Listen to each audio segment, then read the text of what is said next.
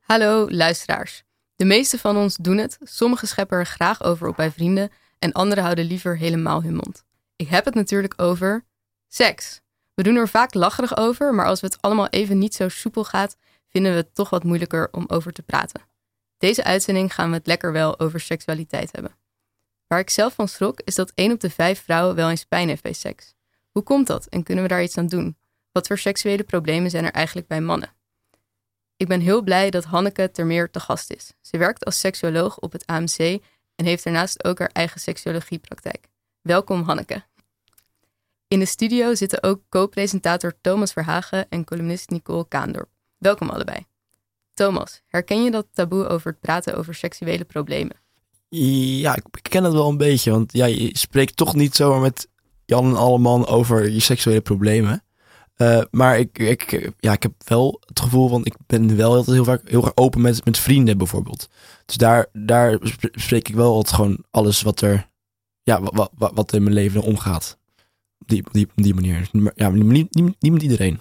Ja, dat snap ik wel. En fijn dat het dan wel met vrienden kan. Hanneke, waarom ben je eigenlijk seksuoloog geworden? Ik ben seksuoloog geworden. Ik was verloskundige. En ook een prachtig uh, beroep. En toen ben ik, uh, toen ik verloskundig was, parttime uh, psychologie gaan studeren. En toen was ik op een gegeven moment psycholoog en verloskundige. En toen dacht ik, wat ga ik nu doen?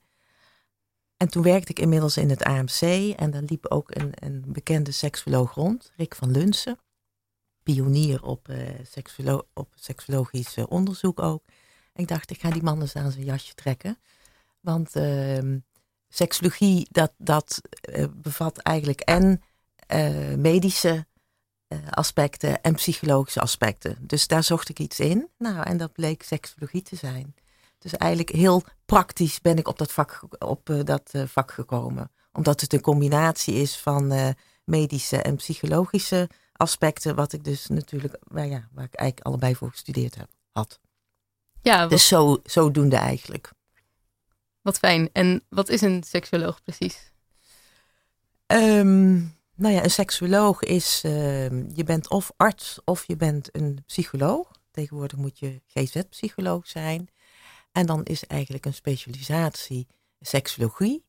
En een seksuoloog die houdt zich bezig met de biologische, psychologische en uh, uh, sociale aspecten van seksualiteit. Biologisch bedoel ik mee medische kanten, psychologische, ja, wat het uh, allemaal voor effect op de psyche heeft. Hè. Uh, als jij een probleem hebt met een seksueel probleem, dan is vaak ook uh, hè, bijvoorbeeld wat jij toen net zei, één op de vijf vrouwen heeft pijn. Wat maakt er nou het psychologisch aan als je denkt, oké, de volgende keer ga ik weer pijn hebben. Dat je dan eigenlijk meer gefocust bent op pijn, wat natuurlijk een soort angst is wat jou weer remt in seksualiteit. Nou, dat je zo eigenlijk een beetje in zo'n negatieve spiraal kunt komen. Dus dat is eigenlijk het psychologische. En het uh, sociale is, nou, heel vaak hebben we seks met een uh, ander. En wat voor impact het heeft op de relatie. En een seksuoloog die behandelt echt, die benadert het probleem biopsychosociaal. En die behandelt het probleem ook biopsychosociaal. Ja, je had het net even over die problemen. En met wat voor problemen gaan mensen meestal naar een seksuoloog? Heel verschillend. Wat, uh, wat jij mij aankondigde. Ik werk in het AMC en een eigen praktijk. In het AMC zie ik eigenlijk altijd patiënten. Want die mensen hebben naast een seksueel probleem ook nog een medisch en een psychiatrisch. Of een psychiatrisch probleem. Dus dan moet je voorstellen eh, mensen die kanker gehad hebben. En daar bijvoorbeeld een, een, een, een stoma uh, voor hebben gehad. Nou, dan kunnen we ons denk ik allemaal voorstellen dat dat impact heeft op de slaapkamer. Nou ja, dus die mensen help je eigenlijk om ja, seksualiteit weer opnieuw te herontdekken en om met elkaar daarover te communiceren. want je kunt voorstellen dat dat heel veel beladenheid oproept. Uh, een psychiater, iemand met uh, een uh, psychiatrische achtergrond, nou, gaat vaak gepaard met medicatie. En alle psychofarmaca hebben invloed op seksualiteit. Dus dat zijn vaak de problemen die dan de psychiatrische problemen met zich meenemen. En dan moet je denken dat uh, psychofarmaca mensen die uh, psychofarmaca nemen, hebben vaak kunnen problemen hebben in, in de opwinding, in het orgasme. Omdat de medicatie, die remt alles, de stemming. Dus die remt zeg maar ook een beetje uh, de seksuele passie. Dus dat is eigenlijk wat ik in, vooral in het AMC zie. Dus die mensen moeten eigenlijk. En, en daarbij ook een heleboel mensen die, die een, een, een trauma hebben. Een ernstig trauma. Want het AMC is natuurlijk een Amsterdam UMC, moet ik tegenwoordig zeggen. Uh, is een derde lijn centrum. Dus dan zie je toch wel de moeilijke gevallen. En uh, dus ja, vrouwen, maar ook mannen met een traumaat, een seksueel, seksueel trauma in de voorgeschiedenis. Dus dat is eigenlijk het AMC. In mijn eigen praktijk daarentegen, daar zie ik mensen waar het over het algemeen heel goed mee gaat. Uh, behalve op seksueel gebied niet. En ook al een tijdje niet. Want je gaat niet zomaar naar een, sek seksuoloog. En in mijn eigen praktijk zie ik mensen met pijn, met uh, erectieproblemen, problemen met het klaarkomen. Dus dat noemen we eigenlijk allemaal de seksuele dysfuncties of zin. Hè? Minder zin in seks of nou, partners waarvan de een meer of minder zin heeft. Verschil in verlangen, zo noemen we dat dan. Of identiteitsproblemen. Of ook wel eens trauma's. Of mensen die denken dat ze ook, ja, dat, dat, ze, dat, dat ze het niet hebben. Dat ze niet, dat ze niet het, het, het, het motortje hebben. Of het motortje niet aankrijgen wat ze nodig hebben voor seksualiteit. Dus eigenlijk een heel veel, veelvuldig uh, veelvuldige problematiek. Ja, het lijkt me ook wel um, misschien een drempel voor veel mensen om dan naar een seksuoloog te gaan. Zeker. En heb je het idee dat je de meeste mensen dan kan helpen? Um, nou, het is zeker een, een, drempel voor mensen om naar een, sek een seksuoloog te gaan. Vroeger uh, had je altijd een, een, verwijzing nodig van de huisarts. Er kwamen echt mensen met vergeelde briefjes binnen. Want een briefje hadden ze al een jaar op zak. En dan eindelijk was er dan uh, toch de bekende druppel. Waardoor uh, ze dacht, nou, nu moet ik echt contact opnemen met een, met een seksoloog. En um, nu krijg ik veel meer mensen die een beetje gaan googlen. En dan mij via internet uh, zoeken. En um, ja, iedereen vindt het moeilijk inderdaad wel om die stap te maken. En dat snap ik ook. Ja. Wat was jouw andere vraag? Je vroeg wat de drempel, of, of de drempel hoog, hoog was, inderdaad. Ja, en of je de meeste mensen kan helpen. Of de meeste. Um, ja, nou, ja, ik denk dat je een, een heleboel mensen ook al helpt om, om is, is, um, het probleem aan te horen. Um, wat ook een groot deel van mijn vak is, goede voorlichting te geven. Inzichtelijk te maken, ja, wat er precies speelt. En waar je mensen ook wel heel erg mee helpt, dat, dat ze niet de enige zijn met een probleem. Dat helpt eigenlijk heel sterk. Hè? Mensen met een seksueel probleem, eh, die dat voor zichzelf houden. Want inderdaad, er wordt best wel onder, uh, onder jongeren, of misschien ook onder ouderen, over seksualiteit, seksualiteit ges, gesproken. Maar over het algemeen toch meer de successtories dan wanneer het wat minder gaat. Dus dat houden mensen voor zich, zichzelf. Uh, wat ook maakt dat ze, ja, dat ze dus vaak denken dat ze de enige zijn. Dus om het een beetje te normaliseren, daar help, daar help je mensen ook wel heel erg mee. Ook wel best een groot deel van, van mijn vak. Ja. Ja, en fijn dat je dan mensen vaak wel uh, kan helpen. Ja, en, en natuurlijk ook om gewoon een behandeling in te zetten. Want het normaliseren is natuurlijk niet genoeg. Ja. Maar wel om dan vervolgens te kijken wat is het probleem en wat heb je daarvoor nodig om het op te lossen. Want een heleboel seksuele problemen zijn inderdaad ook op te lossen. En hoe doe je dat dan? Meestal door, door erover te praten? Of zijn er echt uh, pilletjes? Of uh, hoe moet ik dat voor me zien? Allebei. Nou, dan ga je eigenlijk weer terug naar het biopsychosociale. Dus inderdaad het biologische. Hè, dan weer in het AMC. Als mensen dus uh, een operatie gehad hebben waardoor ze seksueel misschien niet meer zo goed kunnen functioneren. Hè? Bijvoorbeeld bij mannen met prostaatkanker, die zijn soms niet meer in staat om uit zichzelf een erectie te krijgen. Nou, die help je dan om eerst eens te kijken wat er nog meer uh, mogelijk is in seksualiteit, waarvoor je niet per se een erectie nodig hebt. Dus dat is vaak, hè, voor penetratie heb je een erectie nodig, maar voor een heleboel andere dingen op seksueel gebied heb je niet per se een erectie nodig. Dus dan ga je eens kijken wat er, hoe het palet van iemand is. Het repertoire. Wat, wat is er allemaal mogelijk? Waar heb je behoefte aan? En dan soms kun je inderdaad ook wel eens een medische interventie doen. Eh, dat doet dat vaak een arts. Door, door het pillen voorschrijven van erectiepillen. Ehm, soms kun je ook wel eens daar nog verder gaan. Mensen die echt geen erectie kunnen krijgen, die kunnen zich, ja, dat klinkt een beetje eng, injecteren met iets in hun penis, waardoor die erectie er wel komt. Dus dat echt zijn echte medische interventies. Uh, het psychologisch is dat je inzichtelijk maakt, oké, ja, dit is met jou gebeurd, maar wat maakt het? Hè? Wat leg je uit? Wat, wat zijn je gedachten als het weer niet lukt? En hè, dus dat is eigenlijk wat ik er net voor het voorbeeld gaf van een vrouw met pijn. Dat die dan steeds in gedachten is, oh stel dat het een keer weer zit doet. Met een man met een erectieprobleem is dat ook heel sterk. Hè? Als je, uh, of ik nou iemand heb met medische redenen om geen erectie te kunnen krijgen. Of een heel gezond iemand. Als een man zeg maar vier keer geen erectie krijgt, dan gaat hij de vijfde keer zichzelf een beetje monitoren. Monitoren, lukt het of lukt het niet? Nou, dat is natuurlijk geen erotische gedachte. Dus dat maakt, wat natuurlijk wel nodig is voor seks. Jouw brein moet gevoed worden met erotiek, wat het ook mag zijn. En als jouw brein gevoed wordt met dit soort gedachten, negatieve gedachten, dan remt dat de opwinding dus dat, dat is het, het psychologische waar je mensen dan in helpt, om dat op de eerste plaats inzichtelijk te maken. En verder, ja, wat, hoe kun je die negatieve gedachten omzetten in uh, opbouwende gedachten, positieve gedachten. Nou, en dan als derde, als er een partner in het spel is, dan nodig je ook altijd de partner uit. En dan kijk je inderdaad, wat is het, de reactie van de partner op iemands seksueel probleem? Dat kan op het medische zijn.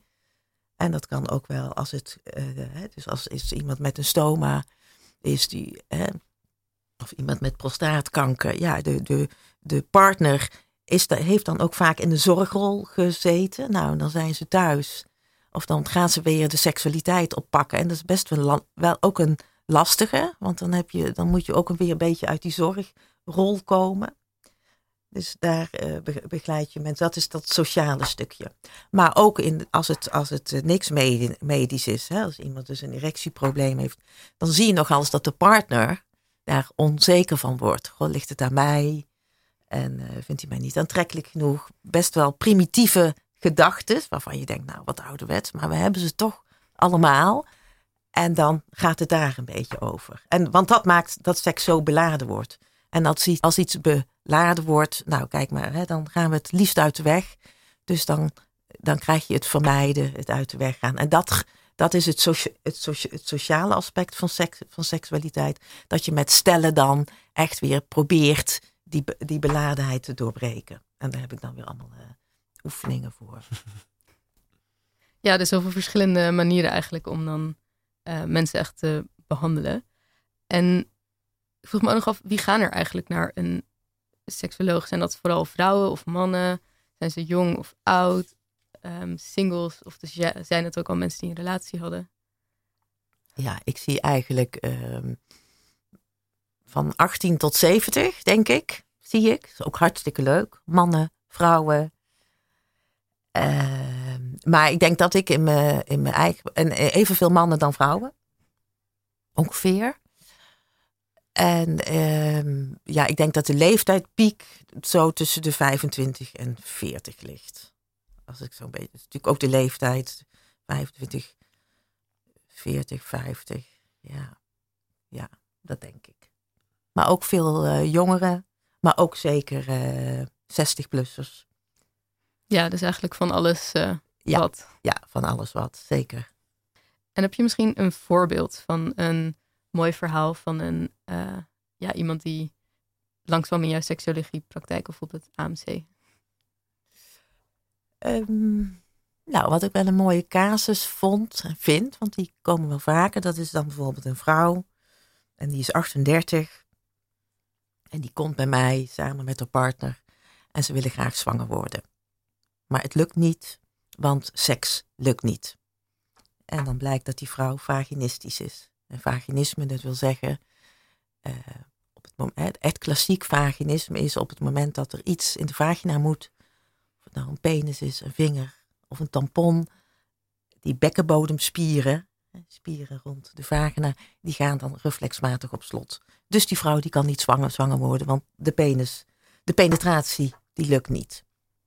En die vrouwen die hebben, die hebben vaak prima seks. Die kunnen opgewonden worden. En die hebben er zin in, kunnen klaarkomen. En die hebben eigenlijk altijd penetratieseks gewoon niet gedaan. En daar een hele, uh, hele leuke alternatieven voor gehad. Alternatieven, hele leuke andere dingen gedaan. Maar ja, voor zwanger worden moet natuurlijk uh, een kind moet, moet natuurlijk gesext, moet er penetratieseks plaatsvinden. Dus die komen dan en die zeggen van ja, we willen het liefst op de natuurlijke man, man, manier. En um, ja, die vrouw is 38. En dus dan begint de klok ook een beetje te tikken. En um, ja, dan is eigenlijk, dat is best wel een lastige combinatie, iets wat een actuele kinderwens en een seksueel probleem. Want voor het oplossen van een seksueel probleem is eigenlijk nooit een quick fix voor. Nou, wat je dan doet met die mensen, hè, want dat is het slechte nieuws, want is, of ja, het slechte nieuws van ja, nee, maar je kunt niet dit probleem binnen drie maanden oplossen. En dan kun je gewoon net zoals de meeste vrouwen op de natuurlijke manier zwanger worden. Maar wat ik je wel te bieden heb, is dat je zwanger kunt worden door zelfinseminatie. Zelfinseminatie houdt in dat je zelf, hè, die man moet een uh, potje zaad opvangen en dan wordt het zaad met een spuitje in de vagina ingebracht. Zelfinseminatie. Nou, de, hebben, deze vrouw had ook dat helemaal uitgelegd. Ja, maar kun je, heb je dan niet meer kans op een gehandicapt kind? Mensen hebben er allerlei mhm. voorstellingen van. Nou, en uiteindelijk heeft ze, is zij zo zwanger geworden. En uh, nou ja, dan denk je van, goh, hoe moet ze iemand dan bevallen? Hè? Nou, dat gaat dan allemaal goed, want plat gezegd, als iemand vaginistisch is, dan gaat het er niet in, maar het gaat er wel uit. Nou, die vrouw is uiteindelijk ook uh, weliswaar met een ruggenprik bevallen, op de natuurlijke manier. En tijdens die zwangerschap zijn we eigenlijk heel voorzichtig begonnen met ook de behandeling van vaginisme. En de behandeling van vaginisme, want dat is eigenlijk een soort angststoornis. Want iemand die vaginistisch heeft, heeft vooral angst voor pijn. Het echte klassieke vaginisme, want die vrouw heeft eigenlijk nog nooit pijn ervaren. Maar is echt een, echt een angst. In tegenstelling tot vrouwen die pijn hebben, die hebben ervaren dat ze pijn hebben. Dus dit behandel je ook eigenlijk als een angststoornis. Dan wil je zeggen dat je stapsgewijs iemand blootstelt aan de angst die ze heeft. Dus dat is angst voor penetratie. Dus stap voor stap. Uh, eerst kijken met een spiegeltje, een vingertopje inbrengen, nog een vingertopje. Nou, bij die vrouw is dat ook zo gegaan. Die is daar in de zwangerschap heel rustig mee begonnen. Want ik, je moet ook niet te intensieve therapie geven als iemand zwanger is. Want iemand moet vooral leuk zwanger zijn. Maar het voordeel van als je zwanger bent, neemt het door bloeding toe. Dus die vagina is goed door bloed. Dus het is ook makkelijker om dan dit soort oefeningen te geven. Nou, die vrouw is er stapsgewijs mee begonnen. Heeft dat kind gekregen. Heeft dan natuurlijk even een pauze gehad. Want ze had er wel eventjes andere dingen aan haar hoofd dan die oefeningen doen. Heeft dat na een half jaar weer opgepakt. En die kan nu inmiddels uh, penetratie hebben. Dus dat, dat is natuurlijk een hele leuke casus. Ja, ook wel mooi om te horen dat het dan dus eigenlijk ook wel handig was voor die oefeningen dat ze zwanger was.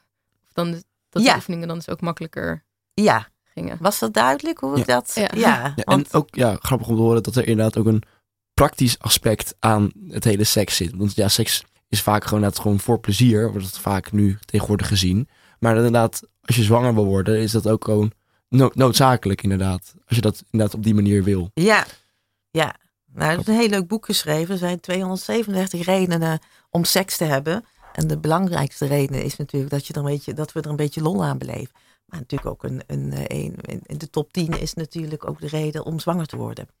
Ja, dus dan moet je dat dan ook dan moet je dat scheiden. Hè, want die vrouw was zo ook 38, mm dus je moet ook heel uh, ja, ook nuchter zijn van ja, je hebt niet meer zoveel kans. Dus als je zwanger wil worden, dan moet je daar nu ook heel uh, pragmatisch aan gaan werken. En dat kan dan op zo'n manier. Ja. Ja, en seks is uh, vaak nog een taboe, wat ik een beetje in het intro-stukje ook zei. En heb je het idee dat dat invloed heeft op um, seksuele problemen in jouw praktijk? Um, dus dat mensen er niet zo goed over durven te praten. Ja, ja. nou dat is het taboe misschien is dat mensen er heel lang alleen mee rondlopen. En daar, ja, daar allerlei gedachten over krijgen. En dat ze zich incompetent voelen. Het ligt aan mij. Soms vinden mensen het zelfs ook heel moeilijk om, om hun seksueel probleem te delen met hun eigen partner. Dus ik zie ook best wel eh, vrouwen met pijn. Dat komt eh, vaak voor, inderdaad, zoals je in het begin van de uitzending al zei. En dat ze dan ja, ook wel bijna liever de tanden op elkaar houding hanteren. Dan echt het gesprek aan te gaan met de partner. Uh, nou ja, moet ik misschien iets aan de pijn doen? Of waar ligt het nog meer aan? Dus, dat, dat, hè, dus het taboe in de communicatie is eigenlijk ook best wel groot. Ja, dus vooral als het dan niet lukt om met je partner daarover te communiceren, dan wordt het denk ik echt een probleem. Begrijp ik het dan zo? Ja, ja, ja. Ja, nou ja, en ook om, om open te communiceren over seks. Mensen uh, toch bang zijn om elkaar te kwetsen. Want seks is natuurlijk ook dat je heel erg je verlangen, je wensen moet uiten. En uh, een heleboel mensen beginnen met seks. En uh, nou, in, ja, ik zie niet zo heel veel stellen eerste half jaar van een relatie. Want dan komt het, de zin en de opwinding nog alles uit de lucht vallen. Is het net of het allemaal van zelf gaat. Maar seks gaat eigenlijk nooit vanzelf. Het is altijd een prikkel. Maar dan is de prikkel is de verliefdheid. Hart, hartstikke leuk natuurlijk. Maar na een half jaar of na een jaar, dat verschilt. Dan krijgt iedereen een beetje zijn eigen voorwaarden voor leuke seks. En dat moet je dan wel een beetje van elkaar weten. En dat vinden mensen soms lastig om te communiceren. En dan gaan ze een beetje ja, een beetje soms uh, anticiperen op de wensen van de ander of op het tempo van de ander. En dan zie je wel eens, ja, dat ze hun eigen verlangen een beetje op de tweede plaats zetten. Ja, en heb je dan misschien ook tips om daarover te communiceren? Uh, zeker, zeker. Kijk, mensen moeten, dat is altijd heel belangrijk. Mensen moeten, het moet eerst inzichtelijk worden wat er aan de hand is. dus als je inderdaad, als ik dat pijnverhaal weer neem en, en, dan in verband met die communicatie. Iemand, een vrouw die krijgt pijn met seks. En, eh, want ze, ze, ze vrijen nog steeds op dezelfde manier zoals we het eerste half jaar deden. Nou, wat je, wat je wel ziet bij jonge mensen, is dat er, hè, er zijn heel veel overeenkomsten tussen mannelijke en vrouwelijke seksualiteit. Er wordt heel vaak wordt de, de verschillen benadrukt, maar er zijn vooral ook heel veel over, over overeenkomst. Maar wat wel een verschil is, dat een, een, een jonge man, voor, vooral als die zin heeft, is die erectie er ook met, meteen. Dus voor jonge mannen is zin en opwinding vaak één pot nat. Bij een vrouw is die zin en opwinding best iets anders. Een vrouw is zich niet zo bewust van haar genitale opwinding. Of, of de vagina goed doorbloed is, of, ze, of de vulva goed doorbloed is, of ze nat is. Dat, dat, dat. Een vrouw gaat veel meer, moet eerst meer afgaan op de beleving. En dan zie je wel eens, dus als die man die erectie heeft en die vrouw is nog niet zo ver, dat er dan eigenlijk een beetje ge geanticipeerd wordt op het tempo van die man. Dus oké, die erectie is er. Ik moet ook opgewonden, ik moet opschieten. En dat er dan wel eens te vroeg gepenetreerd wordt. Wat dus nou, dat hele pijnverhaal dan in gang zet. En dan ga je eigenlijk, uh, dus als het dan op communicatie komt, als zo'n stel komt bij mij in de praktijk en dan ja, wordt helemaal inzichtelijk gemaakt. Wat maakt het nou allemaal dat je, dat je pijn hebt? En dan kom je inderdaad wel eens op uit. God, ja, hoe komt het dan dat jij uh, ja, niet goed genoeg voor jezelf zorgt? Dat jij ook toekomt aan die opwinding. Nou, en dan komt het vaak wel op, uh, op communicatie neer. Wat er misschien anders moet. Wat er misschien, dat, hè, dat er misschien wat meer gestimuleerd moet worden. Dat er meer tijd moet zijn voor het een, meer tijd voor het ander.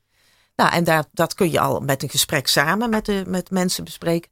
En als je merkt, nou, die communiceren echt, dat, dat is echt zo moeilijk. Want ze krijgen het woord seks niet over hun lippen. Dan, dan heb je daar ook allerlei andere com communicatieoefeningen nog, nog eens voor.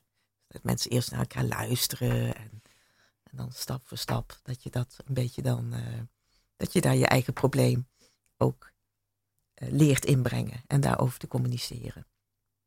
Ja, ja ik kan me dat ook al voorstellen dat het wel moeilijk kan zijn om daarover uh, te praten. Zeker als je dat nooit doet en dan heb je ineens een probleem. Dan... Ja, ja, en het is natuurlijk, ja, het heeft, ja. En je bent, mensen zijn ook wel eens, ja, vinden het best wel eng om, om ja, dus wel jezelf echt blootgeven.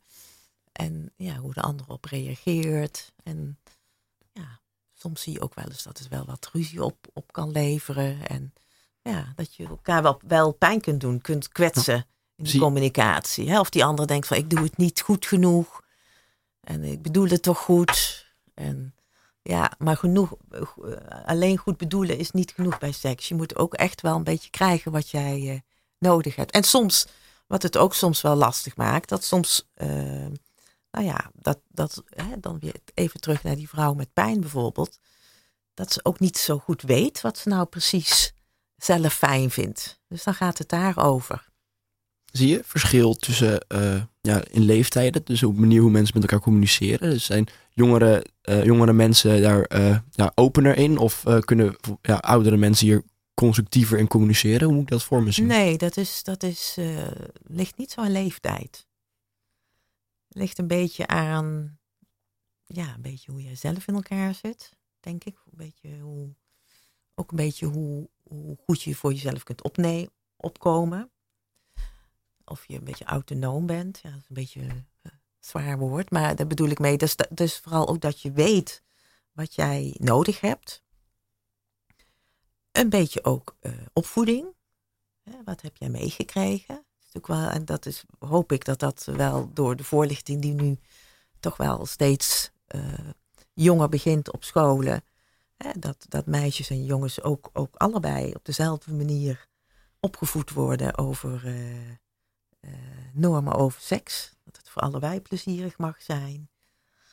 En dus dat is. ehm, nee, dat kan zowel dus tussen jongeren en ouderen kan dat, dan kan dat eh, hetzelfde probleem geven. Of dat mensen daar vrij over praten. Het is niet ook per definitie zo dat bijvoorbeeld ouderen, dat denken jullie misschien, wat oude ouderwetse, die, die praten niet over seks. Maar er zijn natuurlijk ook een heleboel ouderen die dat wel kunnen. Ja, ik wil het ook graag nog even over de orgasmekloof hebben. Ehm, kan je misschien eerst even uitleggen wat dat, wat dat inhoudt? Ja, de orgasmekloof, dat wil zeggen nou ja, dat mannen over het algemeen makkelijker klaarkomen dan vrouwen. En eh, dat geeft de orgasmekloof. En er zijn ook allemaal cijfers over. En ehm, ongeveer ehm, in heteroseksuele seks, want wat ik nu allemaal voorbeelden geef, gaat allemaal over heteroseksualiteit. In heteroseksuele seks zie je eigenlijk dat eh, vrouwen eh 60% van de vrouwen klaar kunnen komen tegen 100%, tegen 99% van de mannen. En dat is niet zo omdat vrouwen nou eenmaal moeilijker klaarkomen dan mannen. Want in lesbische studies zie je dit, dit niet. Dan zie je dat 85% van de vrouwen klaarkomt. In masturbatiestudies zie je dat ook niet. Zie je ook dat vijf- eh, 70% van de vrouwen een orgasme kan krijgen. Dus je ziet het wel echt in heteroseksuele seks. En dat komt mede, nou een belangrijke eh, reden daarvan is dat heteroseksuele seks nog best wel penetratiegericht is. En dat we van penetra- penetratieseks weten, ja, dat daar maar inderdaad max 25% van de vrouwen een orgasme kan krijgen. Dus dat verklaart een groot deel waarom die, waarom die kloof er is. Je, hebt, je zei dat, dat in masturbatieonderzoek dat er 70% van de vrouwen klaarkomt. Dat is toch best wel weinig ook nog steeds, of niet? Ehm, Hoe moet ik het voor me zien? Hoe, hoe meet ze onderzoek die cijfers? Ja, dat zijn. Je hebt, je hebt eh, één keer eh, in de vijf jaar wordt er door de Rutgers Nisso, ik weet niet of je dat kennen, een onderzoek gedaan, seks onder je 25ste. En dan wordt dit allemaal in, kaart gebracht. Nou, je ziet nog steeds wel dat vrouwen iets minder mas- masturberen dan, dan mannen. Dus wel een hele grote inhaalslag bezig hoor. Maar dat, en dat zie ik ook, ja, dat zie ik misschien wel iets onder, onder ouderen. Dat ouderen, ja, dat dat toch vroeger allemaal toch veel meer eh, eh, gelegitimeerd was voor mannen dan voor vrouwen. Of dat, dat, ja, dat vrouwen. Nou ja, ook eigenlijk kijk voor de prikkels. Hè. De hele porno-industrie, wat natuurlijk veel eh, gebruikt wordt met masturberen. Ja, dat die vooral op de, op de mannen eh, gefocust was. Nou, dus gelukkig zijn we daar een enorme inhaalslag mee aan het maken. En ik denk dat het voor een man ook een masturbatie. Want ik zie ook best wel vrouwen die niet klaar kunnen komen, ook met masturberen niet, dat, dat, ja, dat het voor vrouwen ook iets lastiger is. Om een beetje maar bij de naam te noemen, ik denk dat aftrekken best wel wat moeilijk, mak, makkelijker is dan het stimuleren van de clitoris om daar orgasme uit te krijgen. Ja, want kan iedereen dan eigenlijk een orgasme krijgen? Of zijn er ook mensen bij wie dat dan niet... Nee, er zijn echt mensen die, eh, die uh, geen orgasme kunnen krijgen. En niet dat dat dan niet kan, maar de, de ingrediënten die ervoor nodig, nodig zijn. Hè, dit is het hoogtepunt van de opwinding. Dus je moet opgewonden zijn. Niet alleen uh, genitaal, maar ook in je hoofd. Dus je moet ook een beetje ja, wat ik al eerder zei, dat brein moet ook gevoed worden met erotiek. En dat zijn vaak van, fantasieën. Ja, als we het even over, mast, masturbatie hebben. Ja, en, en, en soms vinden vrouwen, ja, het gaat over toestemming, hè? Van, goh, vind ik toch een beetje raar dat ik daar van fantasieën over heb. Of van, goh, ik, ik heb helemaal, ik, ik zou niet weten waar ik aan moest denken. Ik heb me daar nooit in ver, verdiept. Dus, dus met dat, dat zijn dingen die je allemaal kunt uh, leren. Uh, nou, verder moet je moet er met, om klaar te komen, moet, moet je iets met je bekkenbodem moet ontspannen zijn. Ik weet niet of jullie weten wat de bekkenbodem is, maar dat is die, inderdaad, die, die uh, je hebt je benige bekken en daarin hangt een hangmat van spieren. De bekkenbodemspieren spelen ook een belangrijke rol bij seksualiteit, vooral bij seksuele problemen. En die spieren moeten eigenlijk ontspannen zijn. Als mensen stress hebben om seks, dan spannen die spieren zich aan. Nou, wat is opwinding? Opwinding is eigenlijk dat er bloed in de bloedvaten gaat. Bij de man is dat heel duidelijk eh, bloed in de zwellichamen van de penis. Wat maakt dat er een erectie komt. Bij vrouwen gaat het precies hetzelfde. Uh, uh, bloed in de bloedvaten in de hele vulva. Schaamlippen zwellen op. Clitoris die zwelt een beetje op. Nou, en dat is dus echt ook, daarvoor heb je ook die ontspannen bekkenbodemspieren voor nodig. Want als je echt een probeert een orgasme eruit te persen of heel hard aan het werken bent, dan knijp je eigenlijk letterlijk die opwinding af. Dus je moet, die bekkenbodemspieren moeten ontspannen zijn.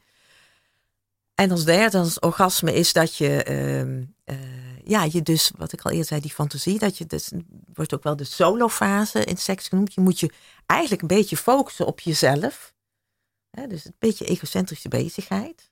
Nou ja, dat moet je natuurlijk ook allemaal een beetje leren als je gewend bent, oké, seks is echt helemaal voor iets samen. Tuurlijk, er zit een heel mooi stuk in wat je samen doet, maar het orgasme is uh, wel iets wat je, waar je jezelf op, op, je, op jezelf moet uh, richten. Nou, die ingrediënten kun je mensen best wel allemaal leren. Maar het vierde, het, het loslaten, daar, daar weten we weinig van. Dus ik zie best heel, heel veel vrouwen en ook wel eens mannen hoor, maar over het algemeen toch wel weer iets meer vrouwen die moeite met klaarkomen hebben. En dan, ja, dan, ga je, dan ja, gaan ze toch aan al die, om maar zo te noemen, die ingrediënten werken, maar dan lukt het toch niet. En dan is vaak dat laatste stukje dat loslaten en dat weten we niet zo. Dus soms lukt, lukt het wel, maar het is niet altijd zo dat je, dat, dat helemaal gegarandeerd is. Ja, dus vandaar ook, dat, dat maar zeven, hè, dat, dat de, de, het klaarkomen bij vrouwen iets, uh, iets lager cijfers zijn. Maar de orgasm gap komt dus voornamelijk ook omdat, het, omdat de seks uh, ja, gericht is. En van penetratie op zich uh, komt maar 25% klaar. Ja, ongeveer. En uh, dat is dan nog steeds niet omdat een vrouw klaarkomt, omdat er dan in die vagina, vagina iets gebeurt. Want het, het orgasme bij een vrouw wordt altijd bewerkstelligd door de clitoris. Maar door penetratie, hè, onder de goede voorwaarden dat het allemaal goed door bloed is, waar ik het toen net over had, dan, kun je, dan kan het zijn dat dan zeg maar indirect die clitoris, hè, want die clitoris, dat weten jullie denk ik inmiddels ook, is niet alleen het knopje van de buitenkant, maar is inmiddels, hè, weet iedereen dat een groot orgaan is. En dat eigenlijk door stimulatie de clitoris dan indirect gestimuleerd kan worden. Ja, ik denk niet dat iedereen dat, uh, dat weet. Want volgens mij staat het nog steeds niet in alle biologieboeken als volledig orgaan uh, afgebeeld. Nee, nee. Je moet echt ook bijna een doorsnede zien in een MRI. Hè? Want als je nu een, een, een, een foto ziet van een vulva, hè? dat is ook al het hele geslachtsdeel van een vrouw, dan staat nu in de biologieboeken heeft Elle Laan, jullie, jullie kennen haar, mijn collega die vorig jaar overleden is, die heeft er echt eh, een van haar laatste activiteiten was dat ze haar missies was om ervoor te zorgen dat dat, uit, dat, dat knopje, de clitoris, bij de uitwendige geslachtsdeel, wat altijd in de biologiekboek staat, dat daar de clitoris wel op staat. En voor het inwendige inderdaad zijn ook een beetje andere foto's voor nodig. Ja. Maar het is inderdaad, het loopt, uh, het, het, het, uh, het loopt helemaal door naar binnen, de clitoris. Ja. En dan even over iets anders. Um, seks in films tussen heterocellen is vaak in beeld gebracht vanuit een mannelijk oogpunt. Dat wordt ook wel de male gaze genoemd. Vrouwen zijn door deze mannelijke blik in films vaak het object van seksueel verlangen en worden daarmee dus letterlijk geobjectiveerd. Daarnaast is in films de seks vrijwel altijd klaar op het moment dat de man is klaargekomen. Um, en voor mij wordt dat pijnlijk duidelijk bij een film waarbij de stereotypen van mannen en vrouwen omgedraaid waren en de seks klaar was toen de vrouw was klaargekomen, terwijl de man uh, onbevredigd om zich heen keek. En in films zie je meestal ook dat de man het initiatief toont. En ik vroeg een beetje af, zouden dat soort films ook voor meer seksuele problemen kunnen zorgen? Ja, ik denk het wel. Hè, want uh, hoe, uh, leer je, hoe leer je seks? Denk ik door inderdaad voorlichting van huis uit, is handig, of van school. Maar ook voorbeeld. Hè? Dus als jij, als jij 12 of 13 bent en je gaat porno kijken. En je ziet dat, dat uh, want hè, daar werd ook vaak dat een vrouw tijdens penetratie klaarkomt. Dan kan ik me van voorstellen, denk, nou, zo werkt dat dus. En uh, ja, dan vergeten ze natuurlijk een beetje dat dat, dat, uh, dat, dat, uh, ja, dat, dat er niet de realiteit is. Ja, ik heb laatst ook wel een, een iets gezien en toen werd ook een vrouw ge, ge, gestimuleerd. En dacht, ja, dat is, dat is iets wat je vroeger nooit, nooit zag eigenlijk. Het was echt altijd meteen de penetratie. Ja, wel fijn dat we dan. Dus dan geef je eigenlijk het. Ja, dat is eigenlijk een, een verkeerd voorbeeld. Ja, en, wel en fijn. natuurlijk, penetratie kan heel lekker, lekker zijn, hè? maar er zijn natuurlijk wel dingen voor nodig. Ja, fijn om dan te horen dat er ook wel een beetje een trend de andere kant ja. Uh, ja. op is. Ja, de oude rollenpatronen, dat die een beetje aan het veranderen zijn. Ja, en we hebben het nu vooral, uh, of tot nu toe vooral gehad over heteroseks. En ik ben heel blij dat uh, Nicole Kaandorp hier ook in de studio zit. Zij heeft ook een column uh, geschreven en daar wil ik graag naar uh, luisteren. Dat mag, ik zal hem voorlezen. Het lijkt me moeilijk om seks te hebben zonder te weten of de ander het ook fijn vindt. Ik kan het me eigenlijk nauwelijks voorstellen. Het leukste aan seks is dat het samen is, vind ik. Dat je dichtbij iemand bent, dat je aandacht voor iemand hebt. Seks is voor mij een soort semi-paradoxaal samensmelten, waarbij ik me één voel met, maar ook heel bewust ben van de ander wie die is en wat die voelt en wat die wil. Ik snap niet zo goed hoe je aan met wie je in bed ligt voorbij zou kunnen gaan. Wat je dan aan het doen bent. Als iemand zich niet veilig voelt, dan merk je dat toch aan alles. Misschien, kort door de bocht, is het omdat ik geen heteroseks heb. Dat het om en om van lesbische seks de ruimte geeft voor aandacht. Ja, ik bedoel, soms doen we iets tegelijk, maar dat is eerder een uitzondering dan de regel. Het is vaker van eerst jij, dan ik, of omgekeerd en soms een paar keer. Ik heb wel eens gedacht, wat zou het fijn zijn om hetero te zijn? Dat je dan tegelijk hetzelfde voelt. Um, bij de penetratie dan. Maar ik denk eigenlijk dat je als man en vrouw ook niet dezelfde ervaring deelt. Zelfs al zou je iets kunnen doen wat tegelijk voor allebei lekker voelt. Ik stel me voor dat je dan tegelijk klaarkomt ook. Maar volgens mij gebeurt dat niet per se. En er lijken me zoveel vaste patronen te zijn. Zoveel verwachtingen van wat tussen aanhalingstekens normale seks is. Om eerlijk te zijn, ik heb al heel lang geen heteroseks meer gehad en ik weet niet meer zo goed hoe het is. En het zou kunnen dat ik het stereotypeer en er domme dingen over zeg. Soms hoor ik heel lieve, geile dingen van mijn hetero vrienden over hun seksleven, maar het meeste wat ik over heteroseks hoor is toch niet bepaald positief. Mijn vriendin, mijn vriendin heeft ooit een introducerend vak seksologie gevolgd aan de UvA. En haar lesmateriaal was een heel Amerikaans boek getiteld Understanding Human Sexuality. Wat ik me er vooral van herinner is haar verbazing en ook verontrusting toen ze er gaandeweg achter kwam dat het een behoorlijk stereotyperend boek was, waarin het vooral over hetero mannen en vrouwen gaat en de problemen die zij tegenkomen. Er was een hoofdstuk over gender waar ze hoge verwachtingen van had, maar het bleek grotendeels een beschrijving te zijn van de stereotype verschillen tussen mannen en vrouwen en hoe iedereen die zich daar niet aan hield buiten de norm viel. Het woord non-binair stond er geloof ik niet eens in En het kopje transgender ging na een korte beschrijving van sociale gevolgen direct nogal grafisch in op de operaties die je zou kunnen ondergaan. Het hoofdstuk over seksuele oriëntatie begon met een uiteenzetting van de homofobie in Amerika. Het was, laat ik het zo zeggen, niet helemaal wat ze van het vak had verwacht. Ze wilde over, open praten over seksualiteit, nieuwe dingen leren van mensen die anders waren dan zij, maar kreeg vooral college over wat ik nu maar even oneerbiedig noem de problemen van de hetero's.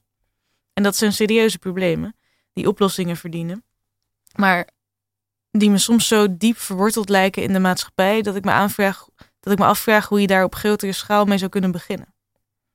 Er zijn films, er zijn verhalen geschreven waarin de rollen van vrouwen en mannen omgedraaid zijn. De mannen worden zwanger bijvoorbeeld, of zoals Lilian noemde, de seks is afgelopen zodra de vrouw klaar komt.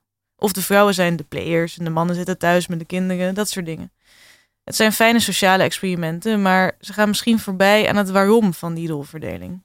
Waarom zijn mannen mannen en vrouwen vrouwen en werkt de maatschappij zoals die nu werkt? Ik weet zeker dat daar wel miljarden woorden over zijn geschreven en die heb ik lang niet allemaal gelezen, maar uit een tekst ergens in een ver verleden herinner ik me dat het, dat het belangrijk is dat de mannen penetreren. Omdat het iets anders is om iets te penetreren en gepenetreerd te worden. Denk aan je vingers in iemands mond stoppen of iemands vingers in je mond nemen. Dat voelt zo fundamenteel anders. Iets penetreren is een soort bezit nemen van iets op een manier, maar tegelijkertijd voelt het redelijk afstandelijk. Mijn vingers zitten helemaal aan het uiteinde van mijn lichaam. En hoe dat bij een piemel voelt, weet ik niet, maar ook dat is op een manier toch een uiteinde. Ik vind het veel intiemer en kwetsbaarder om iets in me te voelen. Het komt letterlijk dichterbij. En ik weet dat degene met wie ik in bed lig dat ook zo ongeveer voelt. Zo kwetsbaar soms, dus ik wil zacht met ze zijn en met ze praten. Het lijkt me moeilijk om seks te hebben met iemand die niet ongeveer hetzelfde lichaam voelt. Moeilijker om elkaar dan te begrijpen wat je meemaakt. Praten over wat je wil en lekker vindt kan best ongemakkelijk zijn. Laat staan als je elkaar niet min of meer sowieso al begrijpt. Ik snap het best dat niet iedereen dat doet of durft. En daarom vervalt in hun eigen verwachtingspatronen. Wat moet het soms toch lastig zijn om hetero te zijn? Ja, dankjewel Nicole voor deze hele mooie, open en eerlijke column. En ja, het lijkt me ook nog wel um, fijn om het ook dan wat even, ja, misschien nog wat even over de niet-heteroseks um, te hebben. Zie je daar ook veel van terug in je praktijk? Ik wil eerst even zeggen, een mooie column. Dankjewel. En wat jij, die eerste alinea's over het samen zijn en dat je inderdaad, uh, je zegt, ik kan me niet voorstellen dat je niet uh, voelt wanneer het voor de ander niet veilig is. zijn natuurlijk hele belangrijke dingen. Hè? Dat, dat, dat, gaat natuurlijk over veiligheid en in, intimiteit. Um, mooi, mooie column. Verschil, ja, ik zie ook veel homostellen, zeker. Um, ook met dezelfde problemen. Verschil in zin, uh, erectieproblemen.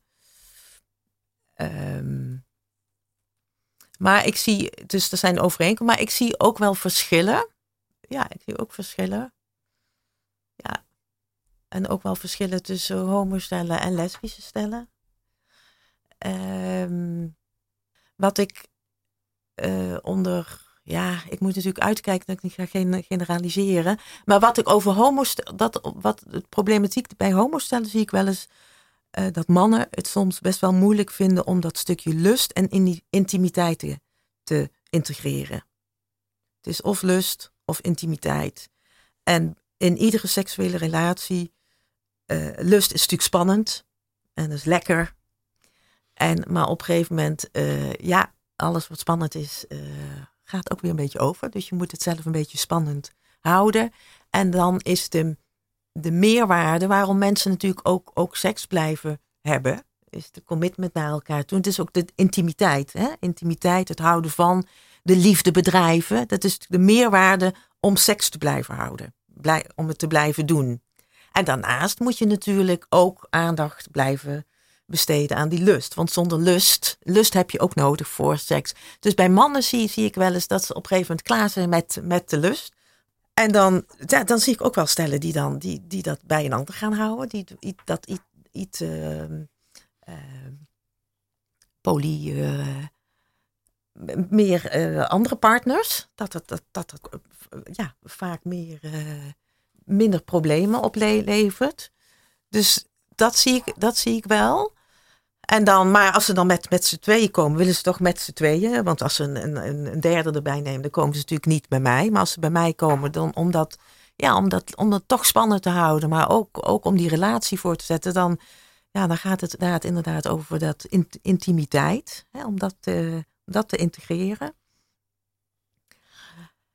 Ehm, bij lesbische stellen, ja, ook nogmaals, niet generaliseren. Maar daar zie ik ook wel eens ehm, dat ze het juist wel moeilijk vinden om die lust, eh, om dat luststukje eh, spannend te houden. Ja, je zei net dat als ze dan met z'n drieën zijn, dat ze dan natuurlijk niet bij jou komen. En hoezo is dat?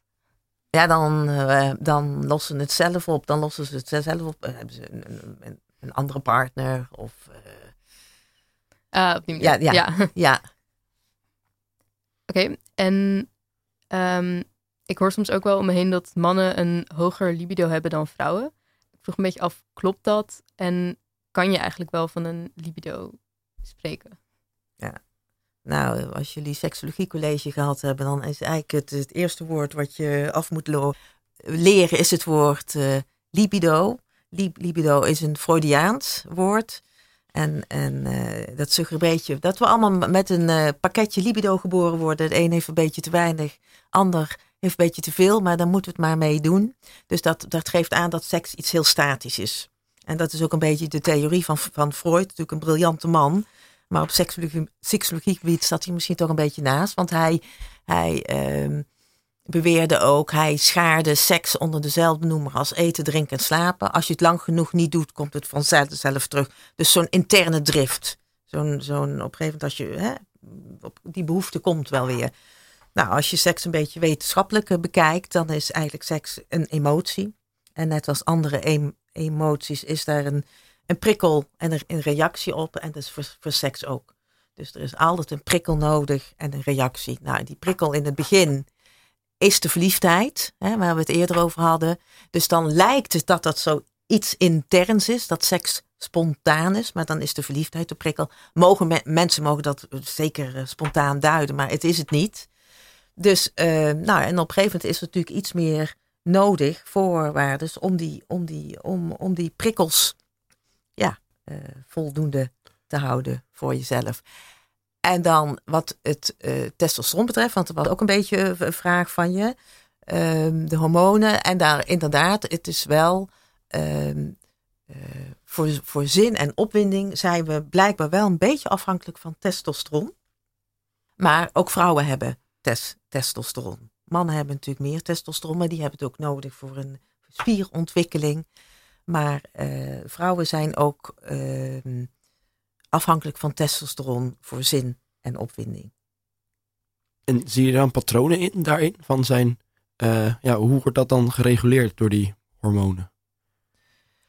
Ehm, nou, je moet eigenlijk het, het, het, het testosteron, je moet, dat moet eh, binnen een bepaal, bepaalde range zitten. Dus je hebt inderdaad wel testosteron nodig om je ontvankelijk te maken voor seksuele prikkels. Dus je moet het zien een beetje als een waakvlam, vlammetje. Moeten allerlei andere aspecten waar we het nu dit uur over gehad hebben, prikkels opzoeken. En het moet belonend zijn. En het moet veilig zijn. Nou, we het allemaal over gehad hebben dat zijn allemaal eh voorwaarden waardoor je het gaat praktiseren. En inderdaad, dat testosteron, daar heb, dat heb je wel nodig om, om eh, je ontvankelijk te maken voor die seksuele prikkels. En eh, nou, bij de meeste mensen zit dat gewoon goed. Een heleboel mannen, maar ook vrouwen. En dan eh, vaak of vrouwen die aan de pil zijn, of vrouwen die in de overgang zijn. Die zeggen van nou, het is op. Of mijn libido doet het niet, niet, niet meer. Het is, eh, het is gedaan.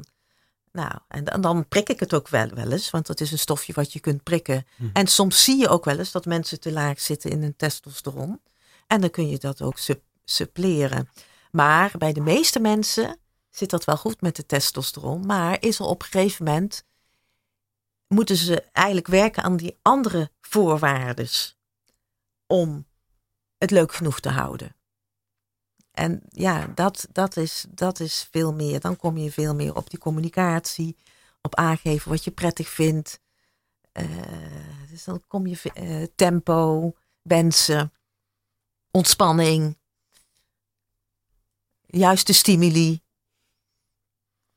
En dus dan, dan hè, mensen zijn natuurlijk, en dat is ook wel logisch, ze, hopen, ze, zijn, ze vinden het natuurlijk altijd wel prettig als je seksueel, pro, als je seksueel probleem kunt re reduceren tot een hormoonprobleem of een medisch probleem, want er is er een pilletje voor.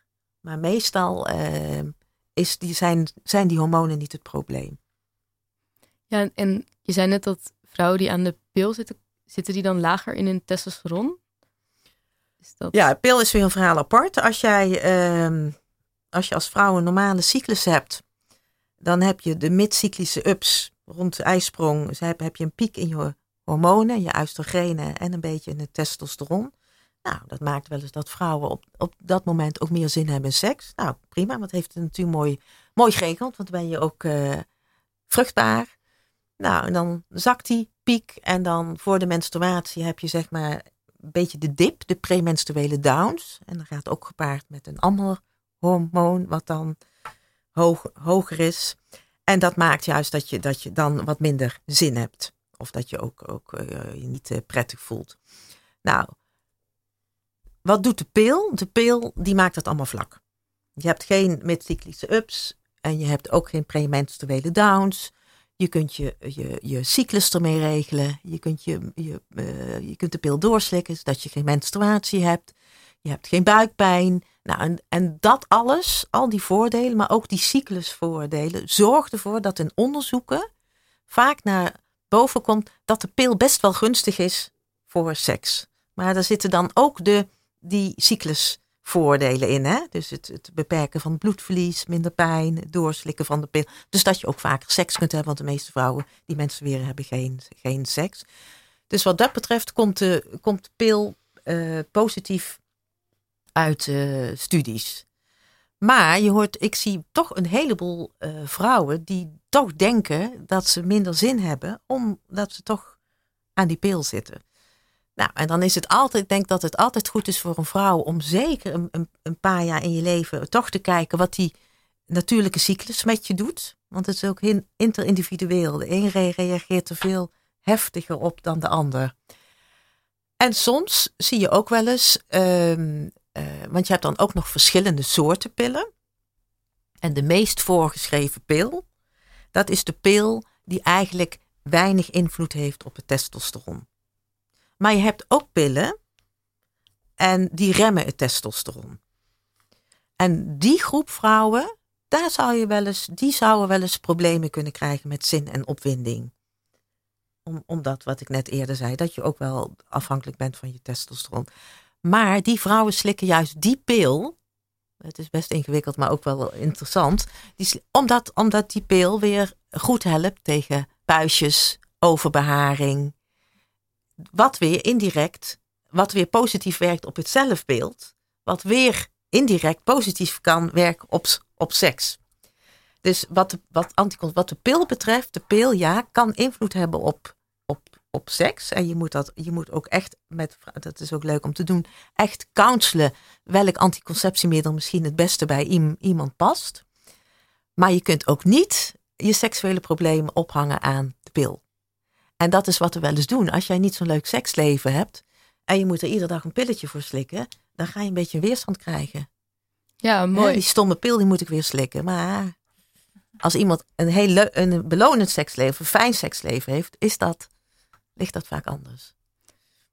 Ja, en we zijn daarmee alweer bijna aan het einde gekomen van deze uitzending. Heb je nog een uh, laatste korte boodschap die je de luisteraars wilt meegeven? Um,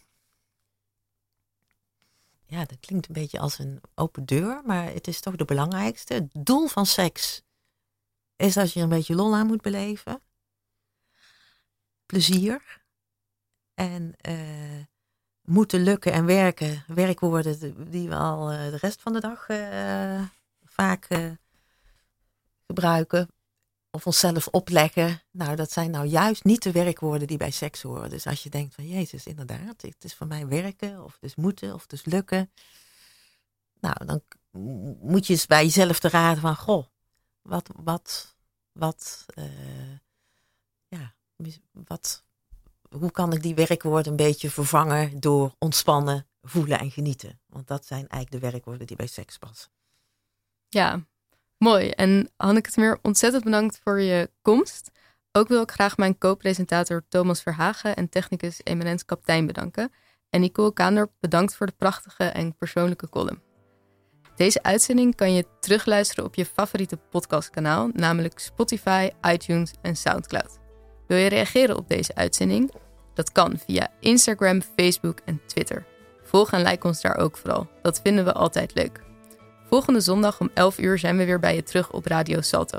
Bedankt voor het luisteren en tot volgende week.